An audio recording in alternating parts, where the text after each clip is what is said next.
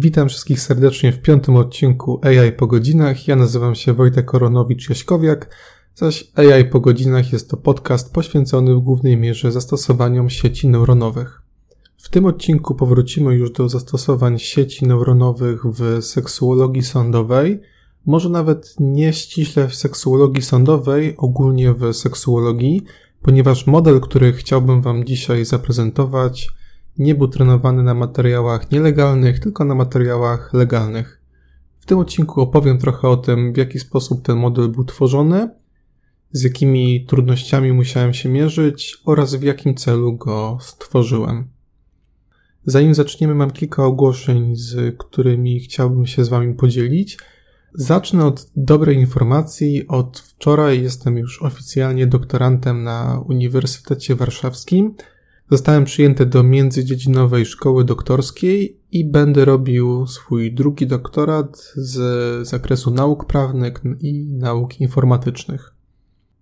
Szkoła doktorska międzydziedzinowa jest dosyć ciekawym rozwiązaniem, ponieważ umożliwia łączenie edukacji z zakresu dwóch, dwóch nauk, no właśnie w moim wypadku prawa oraz informatyki, czyli łączy w sobie program zajęć, który dotyczy Szkoły Doktorskiej Nauk Ścisłych, jak również Szkoły Doktorskiej Nauk Społecznych.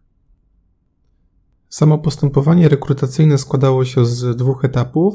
Pierwszy wstępny etap polegał na tym, że trzeba było wysłać opis projektu, nad którym chce się pracować. Dosyć krótki opis na, z tego co pamiętam, dwie, trzy strony. I następnie po miesiącu otrzymywało się wynik w skali od 0 chyba do 30 punktów i na tej podstawie była tworzona wstępna lista rankingowa.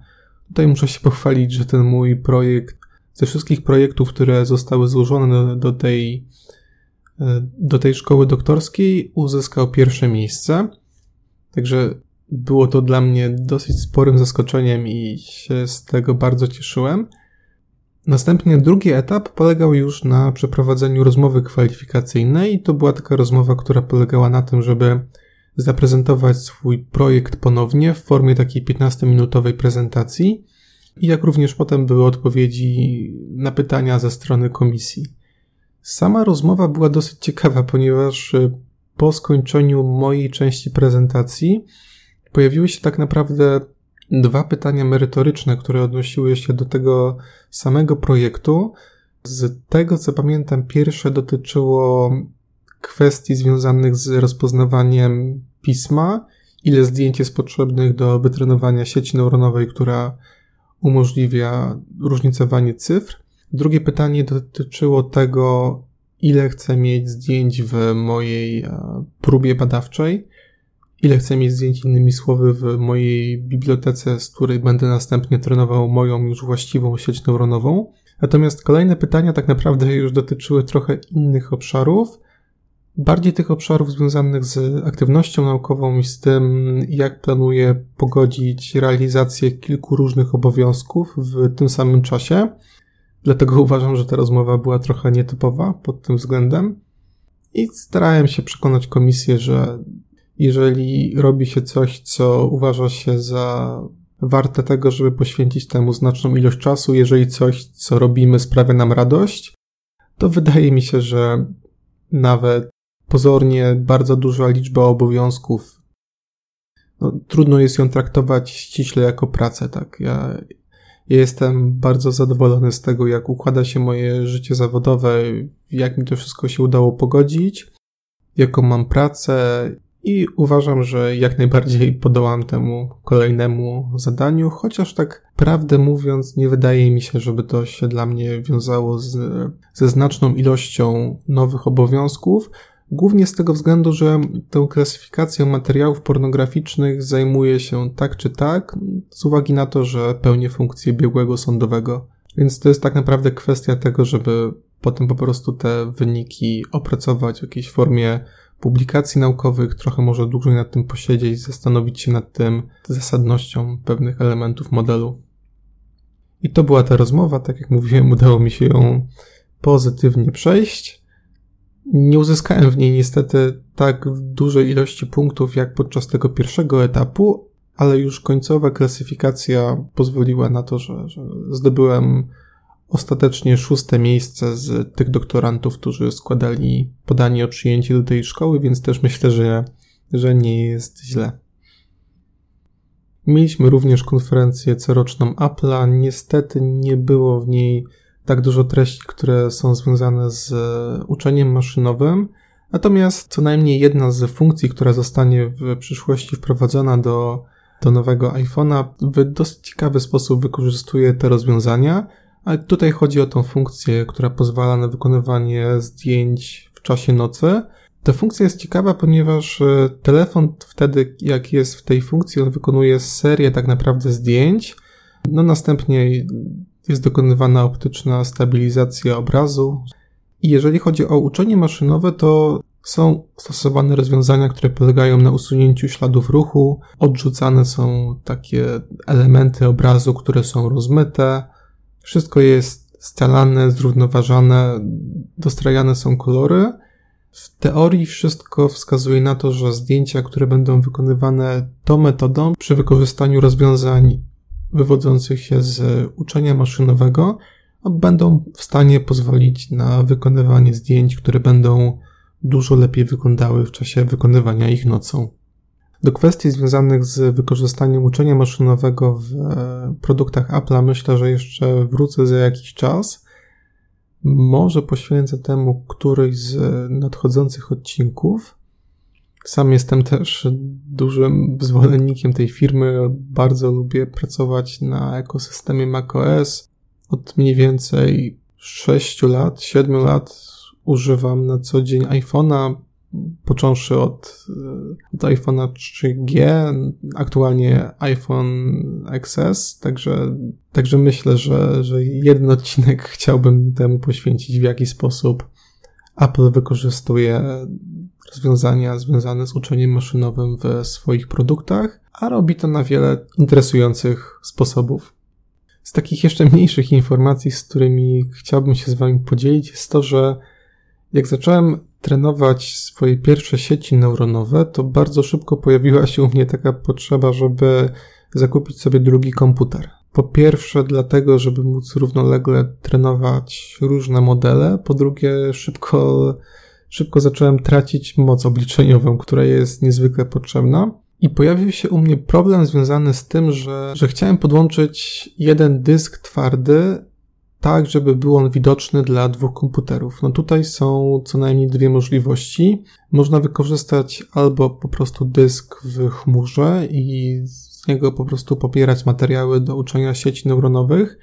Natomiast z uwagi na, na typ tych materiałów, no nie, są to koniecznie zdjęcia, które, które można by umieszczać na dysku Google. No i tutaj się pojawiło drugie rozwiązanie, to znaczy jak w jak najbardziej możliwie wydajny sposób umożliwić dwóm komputerom, trzem komputerom dostęp do jednego systemu plików, który jest gdzieś udostępniony, który jest u mnie gdzieś lokalnie. Wybór padł na to, żeby zakupić sobie taki domowy serwer go skonfigurować w taki sposób, żeby podpiąć do niego dwa dyski zewnętrzne, piąć dwa dyski wewnętrzne i go wykorzystać do tego, żeby umożliwić komputerom dostęp do plików już poprzez sieć LAN. Niestety pojawił się drugi problem, bo szybko zorientowałem się, że transfer pomiędzy moim serwerem a transfer między po prostu podłączeniem dysku poprzez kabel USB 3.0 do komputera, no to są dwie zupełnie różne prędkości. Skończyło się na tym, że pliki trzymam u siebie w chmurze, natomiast ściągam je bezpośrednio na dysk komputera i następnie już z nimi pracuję w ten sposób lokalnie. To rozwiązanie pozwala mi trochę synchronizować te różne rzeczy, które są wspólne dla, dla mojej bazy danych, ale równocześnie no, pozwala mi na dostęp, pozwala mi na szybki dostęp do moich plików. Także końcowy efekt jest taki, że jestem jak najbardziej zadowolony z tego wszystkiego, chociaż właśnie nie obyło się bez trudności. Dzisiaj natomiast chciałbym zaprezentować Wam mój pierwszy pilotażowy model sieci neuronowej, która jest wykorzystywana do, do zastosowań związanych z klasyfikacją siedmiu typów materiałów pornograficznych. Jest to model, który zostanie za jakiś czas opublikowany i opisany w nadchodzącym numerze przeglądu seksuologicznego. Jak będzie dostępny, to też umieszczę gdzieś link w widocznym miejscu, żeby można się było zapoznać z tym plikiem już tak u siebie lokalnie. Wychodząc tak naprawdę od opisu tego, co zrobiłem, warto jest tak na wstępie opisać samo pojęcie pornografii, ponieważ mm, to nie jest tak, że pornografia ma jakąś swoją jedną definicję. Tak naprawdę samo pojęcie pornografii zostało zdefiniowane w sposób uniwersalny, jednoznaczny. Wyróżnianych jest kilka definicji pornografii, no i jednym z nich jest definicja, która odnosi się do zamiaru polegającego na celowym wytworzeniu materiałów, które mają wywołać pobudzenie seksualne u odbiorcy. Jak również są takie definicje, które wiążą się z rzeczywistym występowaniem pobudzenia seksualnego u danej osoby. W tych definicjach chodzi o to, jaka jest intencja ku tworzeniu danych treści. Na użytek mojego modelu przyjąłem taką definicję pornografii, która ogranicza się do celowego zamiaru wytwórcy, który po prostu polega na tym, żeby wyprodukować albo opublikować materiał, który ma wywołać pobudzenie seksualne u ogółu odbiorców albo u odbiorców jakiejś konkretnej grupy, no na przykład osób z preferencjami fetyszystycznymi. Same badania naukowe, które dotyczyły pornografii, one się głównie koncentrowały na szacowaniu częstości jej używania, na możliwym wpływie oglądania pornografii na odbiorcę, na przykład tutaj wchodziły w grę badania nad uzależnieniem od pornografii, na czynnikach predysponujących do oglądania pornografii oraz na samych motywach oglądania materiałów pornograficznych. Badacze często również opisywali problem uzyskiwania dostępu do nielegalnych materiałów pornograficznych, no i w tym uwzględniających pornografię z udziałem małoletnich. Natomiast rzadko te badania, które dotyczą już samej pornografii, dotyczą określania charakterystyki legalnych materiałów pornograficznych. Innymi słowy, często podejmuje się tematy, które wiążą się z nielegalnym albo z takim problemowym użytkowaniem pornografii, natomiast brak jest publikacji naukowych, które charakteryzowałyby pornografię legalną. Jeżeli już chodzi o samą próbę opisania charakterystyki materiałów pornograficznych, oto już pierwsze trudności pojawiają się z określeniem liczby albo głównych rodzajów materiałów pornograficznych. No i tutaj możemy, mm, tutaj mamy na uwadze różnorodność serwisów internetowych, które oferują możliwość pobrania albo wyświetlenia materiałów tego typu. Były prowadzone w tym zakresie badania m.in. przez Halda. One doprowadziły do wyodrębnienia głównych motywów pornografii. No i na przykład Wśród tych kategorii, które zostały wyodrębnione w tym badaniu jest stosunek dopochwowy, analny, oralny, stosunek seksualny grupowy, aktywność seksualna samych kobiet, aktywność seksualna amatorek, czy też pornografia łagodna. W ostatnim czasie przeprowadzono badania, które polegały na określeniu deklarowanej częstości korzystania z kilkudziesięciu rodzajów pornografii, deklarowanej, ponieważ po prostu pytano się danych osób, jak często oglądają dane typy pornografii. I co interesujące, stwierdzono przy tym istotne różnice międzypłciowe. I tak dla mężczyzn najczęściej deklarowanym typem pornografii była aktywność seksualna amatorek, która przedstawiała kobiety, które nie są aktorkami komercyjnych filmów pornograficznych. Stosunek oralny, aktywność seksualną przedstawiającą kobiety z dużymi piersiami, czy też aktywność seksualną trzech osób. Natomiast dla kobiet najczęściej deklarowanym typem oglądanych materiałów pornograficznych był stosunek seksualny trzech osób, stosunek oralny, pornografia łagodna, stosunek seksualny grupowy. To by było na tyle, jeżeli chodzi o tą wstępną charakterystykę legalnych materiałów pornograficznych, a teraz przechodząc już bezpośrednio do sieci neuronowych. Wiemy, że sieci neuronowe są powszechnie wykorzystywane do rozwiązywania różnorodnych problemów. I tak przy analizie obrazów rastrowych, no, poczynając od rozpoznawania marek samochodów, określania ras psów i kotów, do określania charakteru zmian w obrazach radiologicznych. Sieci neuronowe są również szeroko wykorzystywane w zastosowaniach oczywiście innych niż analizy obrazów, a w tym do przykładowo zaawansowanej analizy ruchu sieciowego. W seksuologii sieci neuronowe nie są używane powszechnie, Natomiast można odnaleźć interesujące badania prowadzone w tym zakresie i tutaj chciałbym przywołać wyniki Wanga i Kosińskiego z 2017 roku. Oni są autorami modelu sieci neuronowej, która z ponad 90% prawdopodobieństwem określa na podstawie osób przedstawionych na zdjęciach, jakiej orientacji seksualnej jest dana osoba. Co prawda ten model jest bardziej wiarygodny w przypadku określania orientacji seksualnej mężczyzn niż kobiet, natomiast no, te wyniki, które Wanki i Kosiński zaprezentowali są niezwykle interesujące. Patrząc na to zagadnienie z perspektywy seksuologii sądowej, tutaj no myślę, że szczególną uwagę należy zwrócić na możliwość wykorzystania sieci neuronowych do klasyfikacji zdjęć i filmów przedstawiających małoletnich. Badania prowadzone nad zastosowaniem sieci do tego typu analizy no, koncentrują się głównie na tym, żeby określić, czy na danym zdjęciu, filmie znajduje się osoba małoletnia, czy też nie. Natomiast prezentowane są takie modele, które które są w stanie różnicować nagość, aktywność seksualną, czy też pornografię, e, czy też pornografię amatorską od siebie. Możliwe jest również szacowanie wieku na podstawie zdjęcia przy wykorzystaniu sieci neuronowych, co też oczywiście wiąże się z dużymi nadziejami na wykorzystanie tych modeli w praktyce sądowo-seksuologicznej. Tak jak też wspominałem w poprzednim odcinku, w przyszłości będzie możliwe opracowanie narzędzia informatycznego, które będzie bazowało na sieciach neuronowych i będzie ułatwiało oszacowanie wieku osób, które są przedstawiane na danych obrazach czy też filmach, co też nam bardzo ułatwi pracę.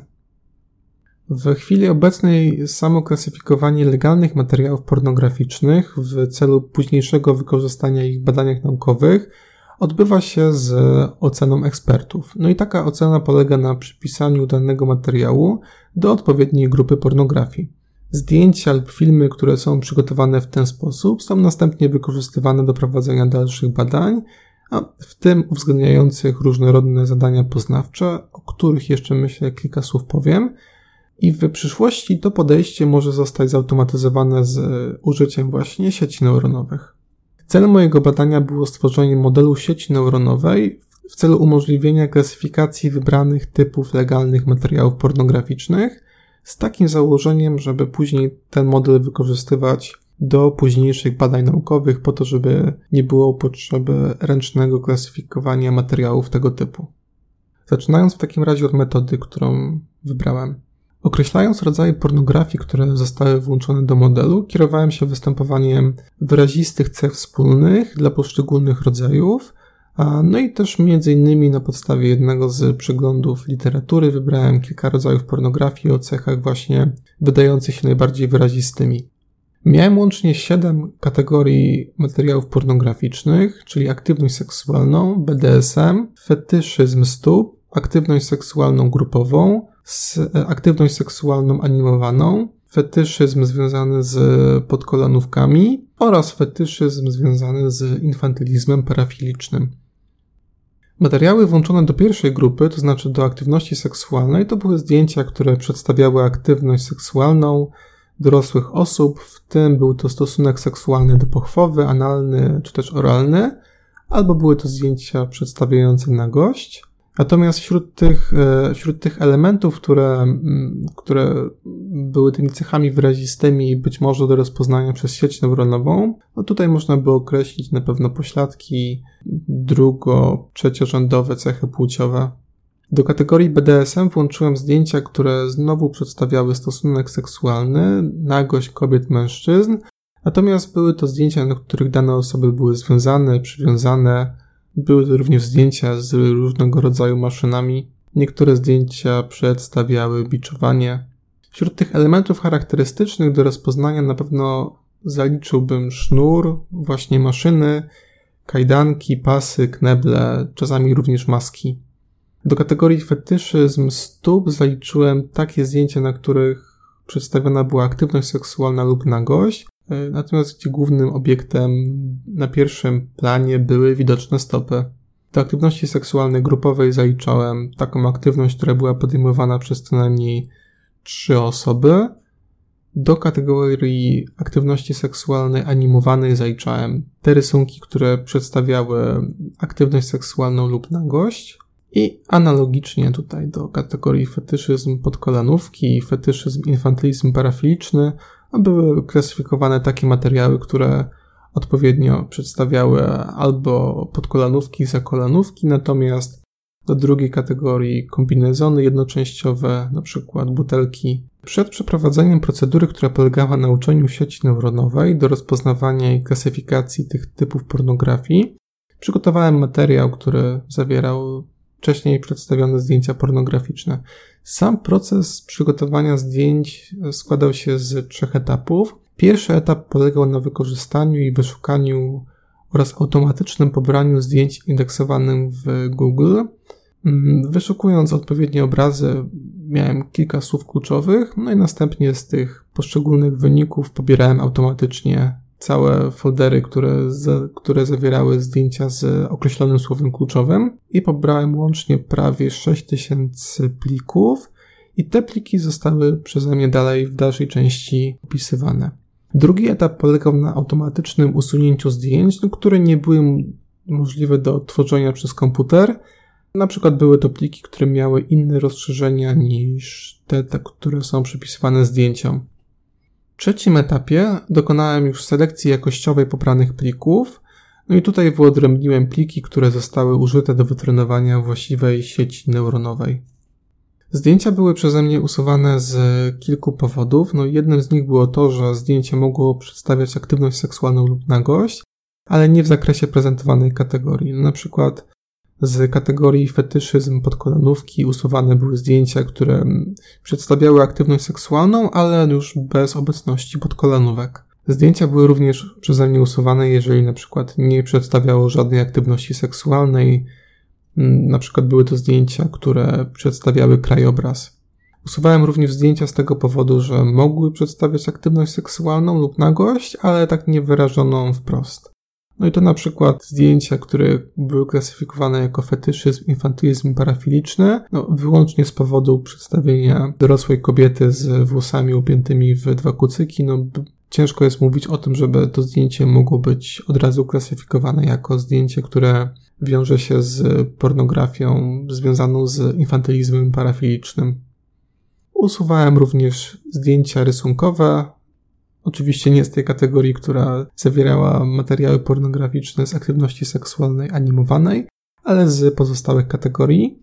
Usuwałem również zdjęcia niewyraźne albo takie, które przedstawiały nieznaczny fragment kategorii oraz zdjęcia, które były duplikatami i powodowały błędy. Po ostatnim trzecim etapie zostało mi ponad 3000 zdjęć, a więc stosunkowo niewiele, jeżeli chodzi o możliwość wytrenowania sieci neuronowej, która cechowałaby się znaczną dokładnością. Do późniejszych prac zaangażowałem również innych, e, inne osoby. Sam proces tworzenia takiej bazy danych jest stosunkowo długi, mozolny i wymaga dużej ilości pracy, stąd właśnie ta liczba materiałów wynosi niewiele ponad 3000. W kolejnym modelu podobnej sieci neuronowej, nad którą pracujemy w chwili obecnej, o tych zdjęć będzie już znacznie, znacznie więcej. Przechodząc do architektury sieci neuronowej, tutaj wykorzystałem model pretrenowany ResNet no z uwagi na jego dobre parametry, które umożliwiają sprawne wykorzystanie sieci do różnych zadań, szczególnie tych związanych z rozpoznawaniem wzorów przedstawionych na zdjęciach. Struktura modelu obejmuje kilkadziesiąt warstw o zróżnicowanym typie, funkcję aktywacji neuronów, metodę zapobiegającą przeoczeniu. I tutaj też zaznaczam, że tej architektury modelu nie modyfikowałem, po prostu wykorzystałem tak naprawdę dwa wcześniej prewytrenowane modele i je wytrenowałem na moim zbiorze danych. Do wytrenowania sieci neuronowej użyłem biblioteki FastAI. Wśród rozwiązań, które wykorzystuje ta biblioteka, stosowany jest PyTorch, czyli otwarta platforma przeznaczona do uczenia maszynowego, wykorzystująca język programowania Python. Zbiór bibliotek FastAI jest niezwykle ciekawym i użytecznym narzędziem do uczenia sieci neuronowych, automatyzującym wiele poleceń, w tym cechującym się możliwościami przewyższającymi często konkurencyjne modele, przynajmniej jeżeli chodzi o sieci konwolucyjne. Tutaj też warto dodać, że już za jakiś czas zostanie opublikowana druga wersja FastAI. Będzie to o tyle ciekawe, ponieważ sama biblioteka będzie napisana w innym języku, nie będzie to już Python, tylko to będzie Swift. Tak jak wspomniałem wcześniej, ten materiał, który został wykorzystany do trenowania i walidacji sieci neuronowej, obejmował ponad 3000 zdjęć, a dokładniej 3384 zdjęcia i te zdjęcia zostały włączone w 7 klas. Z tego całego materiału wybrano losowo 20% zdjęć, które, no nie, które nie służyły do wytrenowania sieci neuronowej, tylko do jej późniejszej walidacji. Sieć została wytrenowana przy użyciu w takim razie niewiele ponad 2700 zdjęć i zwalidowana przy prawie 700 zdjęciach. Przed wykonaniem cykli uczenia się przeprowadzono obliczenia, które zmierzały do określenia funkcji kroku. Ta wykorzystana funkcja, funkcja została zaczerpnięta z biblioteki FastAI, została opisana przez Smitha i dzięki tej funkcji jest możliwe takie skalibrowanie procesu uczenia się, które uwzględnia optymalny zakres uczenia się. Wykorzystany przeze mnie model obejmuje sieci neuronowe konwolucyjne, z uwagi na ich wysoką skuteczność w przypadku rozpoznawania wzorów, które są przedstawione na zdjęciach.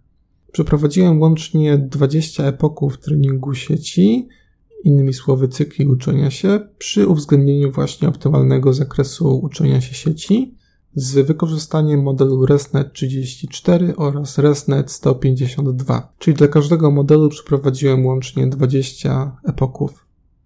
Jeżeli chodzi o błąd uczenia się sieci na materiale walidacyjnym, to w przypadku modelu ResNet 34 całość zakończyła się na 045, natomiast przy modelu ResNet 152 błąd uczenia się sieci na materiale walidacyjnym e, uzyskał końcową wartość 0,29. Jeżeli chodzi o model ResNet 34, to błąd uczenia się sieci na materiale walidacyjnym zasadniczo cechował się stałą tendencją, natomiast na modelu ResNet 152 tutaj cechował się tym, że stopniowo malał. Wraz ze wzrostem ilości epoków malały błędy uczenia się sieci, malał również poziom błędu. Właśnie stałą wysoką tendencją w przypadku modelu ResNet 34 cechował się błąd uczenia sieci na materiale walidacyjnym, w przypadku modelu ResNet 152 błąd uczenia sieci na materiale walidacyjnym stale malał, a ponadto osiągnął końcowo znacznie niższą wartość niż w przypadku modelu ResNet 34. Jeżeli chodzi o błędy popełniane przez sieć przy klasyfikacji materiałów, no to, no to można, można stwierdzić, że sieć najczęściej myliła aktywność seksualną z kategorią fetyszyzm stóp, no, najpewniej z uwagi na to, że przy aktywności seksualnej często widoczne są stopy, która sieć klasyfikowała jako właśnie materiały, które miałyby należeć do tej drugiej kategorii. Myliła również często kategorię fetyszyzm podkolanówki z kategorią fetyszyzm stopy, najpewniej z podobnych względów jak w przypadku poprzednich kategorii. Wytrenowana sieć neuronowa przy klasyfikacji materiałów walidacyjnych popełniła relatywnie niewielką liczbę błędów, przynajmniej mając na uwadze to, że w ogóle nie była modyfikowana sama architektura sieci, zostały wykorzystane tak naprawdę tylko dwa modele bez jakiejkolwiek edycji, bez, bez zmieniania hiperparametrów. I również mając na uwadze to, że liczba zdjęć, która została użyta do wytrenowania, nie była wysoka. Wśród kategorii, która wydawała się cechować największą wiarygodnością, no i tutaj można zaliczyć na pewno kategorię sek aktywności seksualnej animowanej.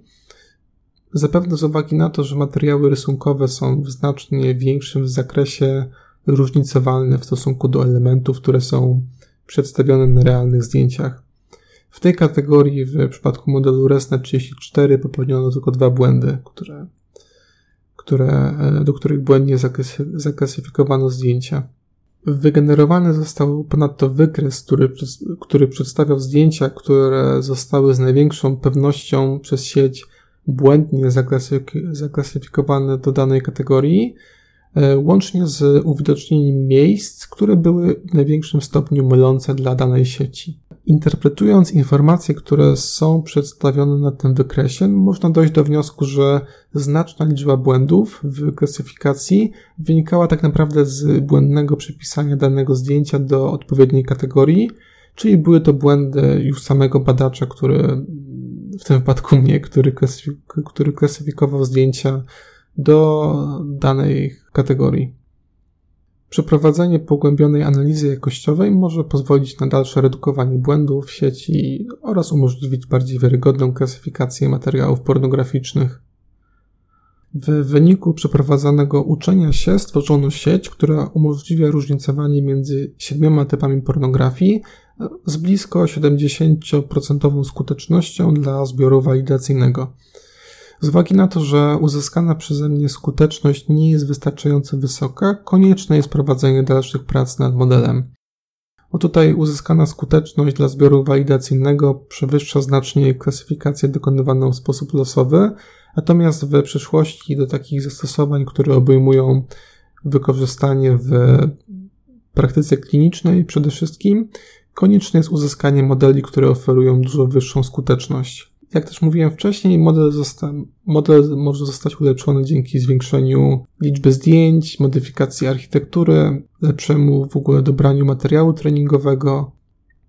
Zaprezentowana sieć neuronowa może jednak zostać już teraz wykorzystana w celach badawczych do wstępnej klasyfikacji zdjęć pornograficznych. Tutaj przykładowe zastosowanie może obejmować przygotowanie materiału do zmodyfikowanej wersji zadania strupa warunku emocjonalnym i za pomocą tej sieci jest możliwe stworzenie danych eksperymentalnych do wielu warunków badawczych, które obejmowałyby różne zdjęcia zaklasyfikowane przez sieć do odpowiednich podgrup.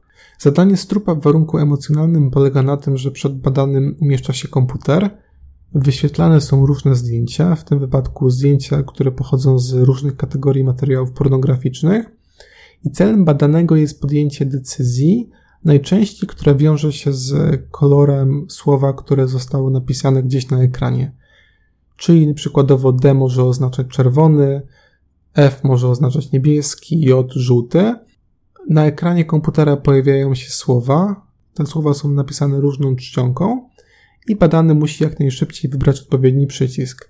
Utrudnieniem w tego rodzaju zadaniu jest to, że raz na jakiś czas wyświetlane są obrazy, które mają w jakiś sposób wpłynąć na czas reakcji danego badanego, i później dla kilkudziesięciu takich serii wyciągane są odpowiednie wnioski badawcze.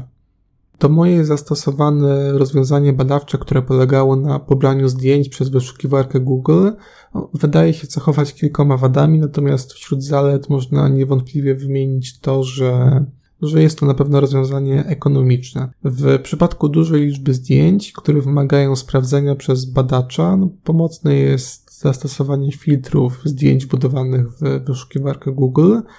Z drugiej jednak strony ogranicza to znacząco typy materiałów, z których trenowana jest następnie sieć neuronowa. To też sprawia, że wyniki mogą być tendencyjne. Wyszukiwarka umożliwia jednak pobranie za jednym razem dużej liczby zdjęć, które mogą być zweryfikowane przy relatywnie niewielkim nakładzie czasu, natomiast właśnie cechuje się to tymi wadami. Wybiegając trochę jeszcze w przyszłość, to na pewno inne modele sieci neuronowych znajdą szerokie zastosowanie zarówno w monitorowaniu materiałów zamieszczanych w internecie, jak i w samej seksuologii klinicznej, nawet nie tylko w wyszukiwaniu i w klasyfikacji obrazów, ale również w pracy z dużymi zbiorami danych. Sieci neuronowe mogą być z powodzeniem wykorzystywane do wyszukiwania czasem subtelnych i złożonych zależności w dużych zbiorach danych, a następnie weryfikowane przez standardowe metody wnioskowania statystycznego. Tutaj przykładowo możliwe będzie analizowanie danych jakościowych w sposób wykorzystujących sieci neuronowe. Analizowane w ten sposób wypowiedzi uczestników badania, które dotyczą jakiegoś zadanego obszaru, będą mogły dostarczyć informacji mogących zostać skorelowanymi ze zmiennymi ilościowymi. Dzięki temu możliwe jest, że już w najbliższym czasie wprowadzenie zastosowań związanych ze sieciami neuronowymi do standardowej praktyki metodologicznej będzie możliwe i powszechnie wykorzystywane. Możliwe, że dzięki temu zostaną wyszukane takie zależności, które jeszcze kilka lat temu nie zostałyby opisane. Podsumowując dzisiejszy odcinek i model, który dzisiaj prezentowałem, na podstawie przeprowadzonych badań wytrenowałem pierwszą sieć neuronową, która umożliwia klasyfikację siedmiu typów legalnych materiałów pornograficznych. ta sieć cechuje się parametrami, które umożliwiają jej wykorzystanie w celach naukowych do klasyfikacji zadanych materiałów pornograficznych. Model będzie w dalszym ciągu rozwijany z uwzględnieniem innych typów materiałów pornograficznych, oraz zostanie w przyszłości ulepszony poprzez poprawę danych treningowych samej architektury sieci. I to wszystko, do czego zmierzamy, to, jest, to, to są te zastosowania w przyszłości, czyli zastosowania podobnych modeli, które będą wspomagały pracę naukową oraz kliniczną seksuologów. Natomiast konieczne jest prowadzenie dalszych badań, w tym również badań psychometrycznych. Ja tymczasem się żegnam. Dziękuję za wysłuchanie mojego piątego już odcinka AI po godzinach. Do usłyszenia.